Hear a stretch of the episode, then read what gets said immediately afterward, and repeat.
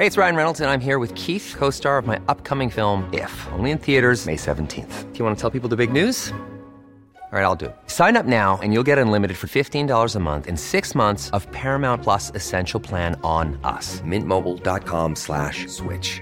Upfront payment of $45 equivalent to $15 per month. Unlimited over 40 gigabytes per month. Face lower speeds. Videos at 480p. Active Mint customers by 531.24 get six months of Paramount Plus Essential Plan. Auto renews after six months. Offer ends May 31st, 2024. Separate Paramount Plus registration required. Terms and conditions apply if rated PG. Hiring for your small business? If you're not looking for professionals on LinkedIn, you're looking in the wrong place. That's like looking for your car keys in a fish tank. LinkedIn helps you hire professionals you can't find anywhere else, even those who aren't actively searching for a new job but might be open to the perfect role. In a given month, over 70% of LinkedIn users don't even visit other leading job sites. So start looking in the right place. With LinkedIn, you can hire professionals like a professional. Post your free job on linkedin.com slash achieve today. Since 2013, Bombas has donated over 100 million socks, underwear, and T-shirts to those facing homelessness. If we counted those on air, this ad would last over 1,157 days. But if we counted the time it takes to make a donation possible, it would take just a few clicks. Because every time you make a purchase, Bombas donates an item to someone who needs it. Go to bombas.com slash ACAST and use code ACAST for 20% off your first purchase. That's bombas.com slash ACAST, code ACAST.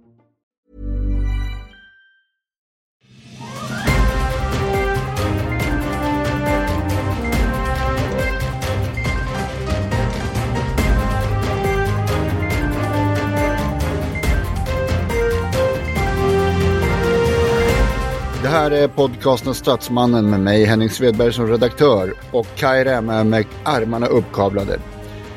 Välkommen Kaj. Tack så mycket Henning. Hör du Kaj, det har hänt en hel del saker den här närmaste veckan sedan vi började och släppte podden. Jajamän, det är tre presidentsaker som man kan prata om. Precis. Jag tänkte faktiskt börja med precis det och det var det här med eh, Putin som blev intervjuad av Tucker Carlson. Vad, vad händer där egentligen? Har du några synpunkter? Ja, Tucker Carlson är ju journalist i yrket. Sen kvaliteten på hans arbete går ju att diskutera men det gäller väl våran public service också. Mm. Och eh, ja, så att eh, de genomförde en intervju helt enkelt. Mm. Han har ju mer följare än vad vi har medborgare i Sverige. Absolut, eh, så är det. Men eh, 11 miljoner är det och han borde, Fox borde väl tycka att det var en riktigt dålig eh, minusrekrytering där. du menar att kicka honom? Ja, Ja, men eh, någonstans så försöker väl även Fox News att leva efter någon form av journalistisk trovärdighet. mm, mm, precis, precis. Men du, apropå journalistisk trovärdighet då, hur okej är det att intervjua Putin? Jag tycker att det är helt okej. Eh, det är ändå en intressant eh, intervju som visar eh, vad Putin tycker och eh, sen så är det faktiskt så att yttrandefriheten gäller ju alla i en demokrati. Jag tycker till exempel att det är fel att eh, censurera ryska mediekanaler i Europa för att det är lättare att bemöta de absurda lögnerna när man jämför med den ryska mediabilden och sen de bilder vi får från Ukraina. Så att eh, Mm, mm. det är ju ett sätt att visa våra medborgare hur skruvat, eh, eller hur skruvad den ryska världsbilden är. Mm, mm. Har du några direkta kommentarer om själva intervjun? Ja, eftersom han redan började med Novgorod och Rurik så kan vi konstatera att per eh, Putins definition så kan ju Ryssland lika gärna vara svenskt. Så att eh, han körde ju väldigt mycket historia. Eh, I princip halva intervjun plus var historieskrivning och någonstans i slutändan så slutar det väl med att vi är alla ett ryskt brödrafolk och tycker egentligen om varandra. Så att eh, ja, det är väl egentligen det mest notabla det är ju att eh, han sa ju att han var villig att eh, förhandla. Men det intressanta är att ryssarna har ju aldrig hållit sina löften när det gäller förhandlingar ända sedan 1991 när faktiskt Putin skrev på papperna om Ukrainas suveränitet. Så att eh, de har inte hållit sina löften och i slutändan så var det i princip, eh, ja, budskapet var låt oss annektera Ukraina och sen håller vi oss lugna, ungefär så. Mm. Det var, det var kontentan. Och eh, det andra som var riktigt eh, notabelt, det var ju att eh, Putin stött, stöttade också utomrättsliga avrättningar av eh, regimmotståndare till Ryssland eh, utomlands. Och Har. det var ju det vi såg med Novichok och Salisbury och så vidare. Så Mm. Ja, och det har ju hänt i andra länder också. Så att ehm, det är ju faktiskt riktigt vidrigt för i praktiken så betyder det att han tycker att politiska mord är okej och det tror jag är en indirekt signal till våra politiker och eh, akta dig, vi vet var dina barn bor, lite Mm. så. Mm. Och det är ju ren maffiamentalitet. Jo, jo, men han kanske vill gå med och eh, förhandla om sånt där och inte hålla löftena. Och eh, pratar vi om det så kommer ju min fråga att vad säger du, är det här propaganda, är det en påverkansoperation? Eller är det bara PR för Ryssland den här intervjun? Ja, det är ju för det första internpropaganda för nu vill han visa att en västjournalist faktiskt besöker honom och frågar inom citationstecken förutsättningslöst om eh, Putins bevekelsegrunder. Så att Mm. det kan man ju säga är eh, en propaganda för intern konsumtion och jag är helt säker på att hela intervjun kommer inte att släppas i Ryssland utan den kommer att klippas in i lämpliga sammanhang som passar dem. Då. Mm. Eh, jag spar påverkansoperationen till sist då, PR. Mm. Här var ju PR egentligen att visa att eh, utåt att Putin är frisk, kraftfull och har energi, Mm. orkar med en två timmars intervju. Och det är ju både för extern och intern kommunikation. Men Mm. om vi tar påverkansoperationen då, som jag ser som allvarlig, att just eh, den här lilla signalen om eh, både hotet med kärnvapen indirekt eh, var ju det ena. Mm. Och det andra är ju det här med, eh, ska vi säga, politiska mord utomlands. Och det är ju, det borde ju oroa en och annan säkerhetstjänst för, eh, som har livvakter för politiker i västvärlden. Att eh, här finns det nog inga garantier utan ja, de har gått all in eh, Nordkorea att politiska motståndare är okej att mörda utomlands. Mm. Ja, det är jäkligt tjusigt. Och så fick vi ju Finland en ny president här. Jajamän, Alexander Stubb blev vald till president eh, med en väldigt eh, knapp marginal och han är ju, tillhör ju Samlingspartiet i Finland och det motsvarar Moderaterna. Ja. När börjar han och eh, hur lång är hans mandatperiod förresten? Ja, han tillträder från och med första mars så att Niinistö har ett par veckor kvar på kontoret.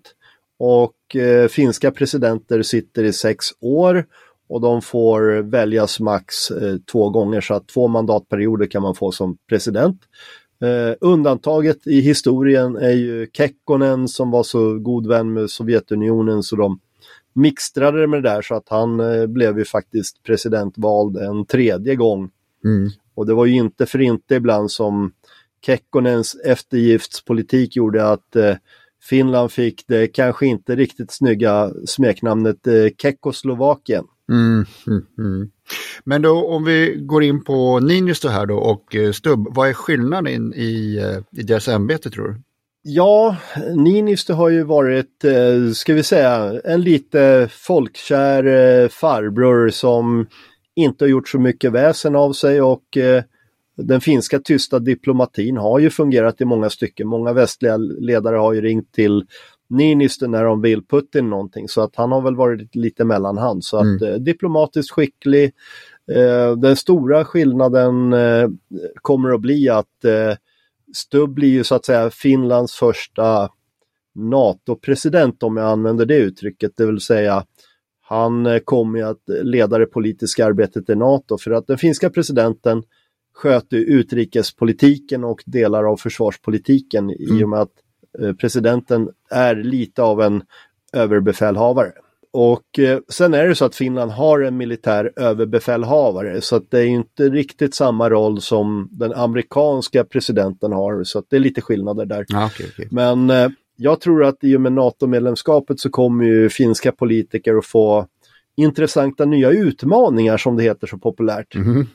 Rollspelet mellan regering och president. Ja.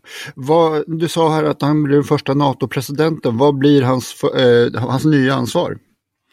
Ja, det där har ju inte finska politiker rätt ut riktigt, eh, men troligtvis så kommer ju den finska presidenten att sitta i NATO som högsta finska representant vid de tillfällen det behövs. Då. Mm. Eh, och det är ju när statscheferna träffas då. Ja. Apropå att statschefer träffas, brukar det inte vara så att första utlandsresan för en finsk president brukar vara i Sverige? Blir det så den här gången också? Ja, vad jag förstått så ska det vara tradition. Eh, om det blir så så är det ju som vanligt. Men vi vet ju inte, det kan ju finnas signaleffekter att den finska presidenten kanske besöker NATO i Bryssel eller besöker USA. Mm. Det vet vi inte. Det skulle ju vara ett avsteg från protokollet men eh, vad jag förstår så ja, det kommer att skicka en intressant signal till omvärlden. Så att, mm. eh, jag säger så här, vi får vänta och se helt enkelt och eh, det kan vi säkert ta upp i nästa avsnitt eh, där han faktiskt har genomfört sitt sta första statsbesök. Just, just. Mm. Ja, eh, vi har ju också på agendan här idag lite grann, eh, vår vän Donald Trump har ju gjort en del saker. Vad är det som händer med honom? Jajamän, han har ju väckt liv i debatten om huruvida USA ska vara med och stötta NATO-medlemsstater inom det kollektiva försvaret. Så att mm. han höll ett tal i South Carolina och det har väckt en del uppmärksamhet. Jag har också bloggat om det så att eh, det, var, det var intressant men samtidigt så är det lite oroande. Mm. Det, det, är ju rätt många som känner att det blir lite oroligt, lite, lite skakigt här med eh, NATO nu här. Kan vi räkna med att USA är med och ställer upp på det sätt som vi förväntar oss? Ja, den som visste det och hade den kristallkulan. eh, jag tror att i grunden så kan vi göra det för att alla amerikanska internationella avtal, det är kongressen som godkänner dem, inte presidenten. Ja. Presidenten kan ju avstå att göra en militär insats. Men jag tror att eh, det kan bli tufft eh, i vissa stycken. Eh, det som är egentligen det stora bidraget eh, till NATO av USA, det är ju konventionella militära förmågor. Där, där är USA fortfarande väldigt stora. Så att mm. Eh, det är ju det som är problemet, att hur fort hinner vi i Europa rusta upp? Mm. Jag menar, de svenska politikerna har ju ja, skjutit upp eh, våran upprustning från 2026 till 2028 enligt mm. överbefälhavarens råd. Och det är ju bara det oroande, även om vi kommer upp i 2% nästa år. Men frågan är hur mycket pang det ger för pengarna eller om det är bara inflation och kostnadsökningar och inte mycket mer förutom kanske lite materiel. Då. Mm. Så att eh, ja, det här är en jättesvår ekvation eh, för Europa överhuvudtaget. Hur hanterar vi det här? Mm. Och det allvarligaste är i så fall om det amerikanska kärnvapenparaplyet försvinner. Vad betyder det? Mm. Påverkas det här olika beroende på om Trump vinner eller inte? Eh, USA har de senaste gångerna haft en förmåga att ha väldigt dåliga presidentkandidater. Eh, både Biden och Trump är olämpliga, men av lite olika skäl. Mm. Eh, nu senast här så hade ju Biden eh, hanterat hemliga uppgifter på ett sätt som gjorde att en åklagare kom fram till slutsatsen att eh, Biden är eh, kanske en lite glömsk gubbe så man kan förlåta honom för det, för det var oaktsamt och inte med uppsåt.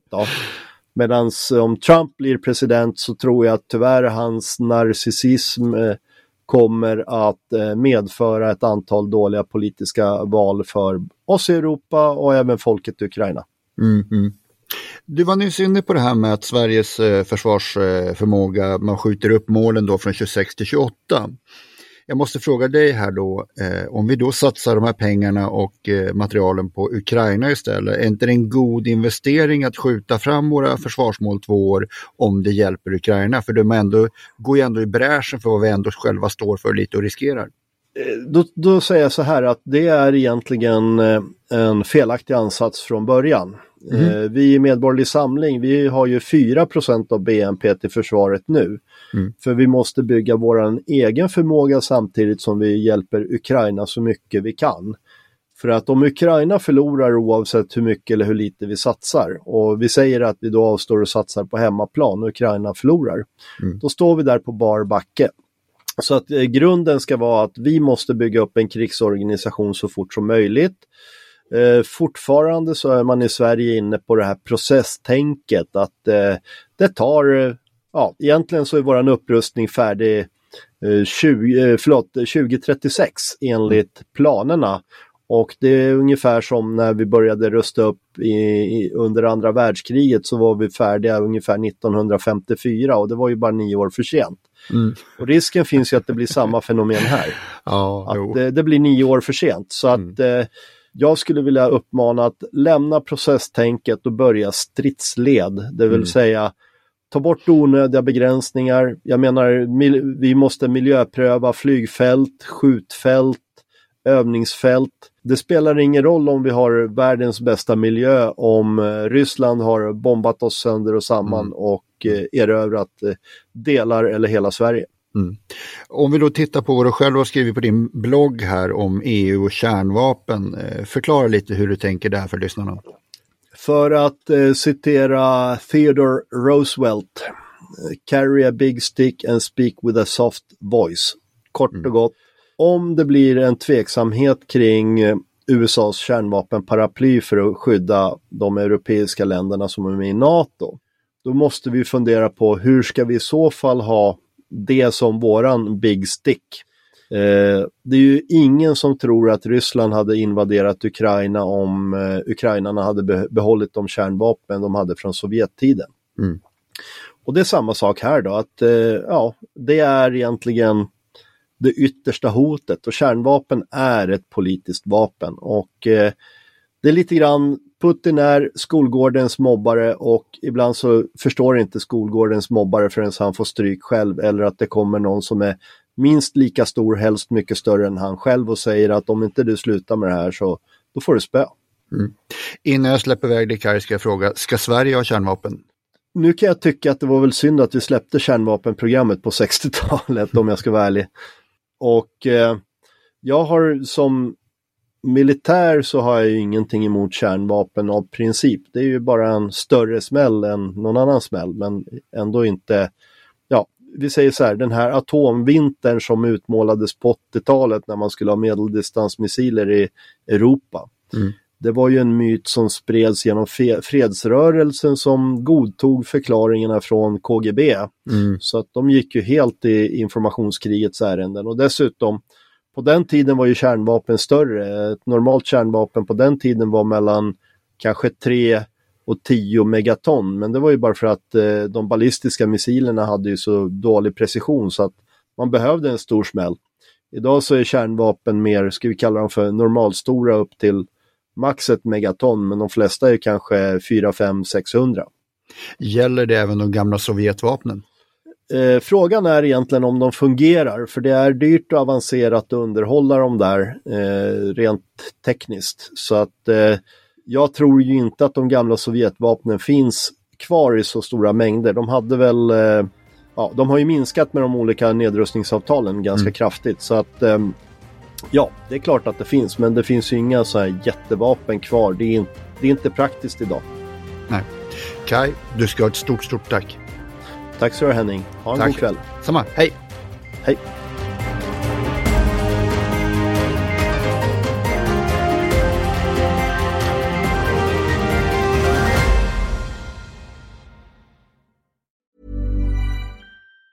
Planning for your next trip? Elevate your travel style with Quince. Quince has all the jet setting essentials you'll want for your next getaway, like European linen, premium luggage options, buttery soft Italian leather bags, and so much more. And it's all priced at 50 to 80% less than similar brands. Plus, Quince only works with factories that use safe and ethical manufacturing practices. Pack your bags with high-quality essentials you'll be wearing for vacations to come with Quince. Go to quince.com slash trip for free shipping and 365-day returns.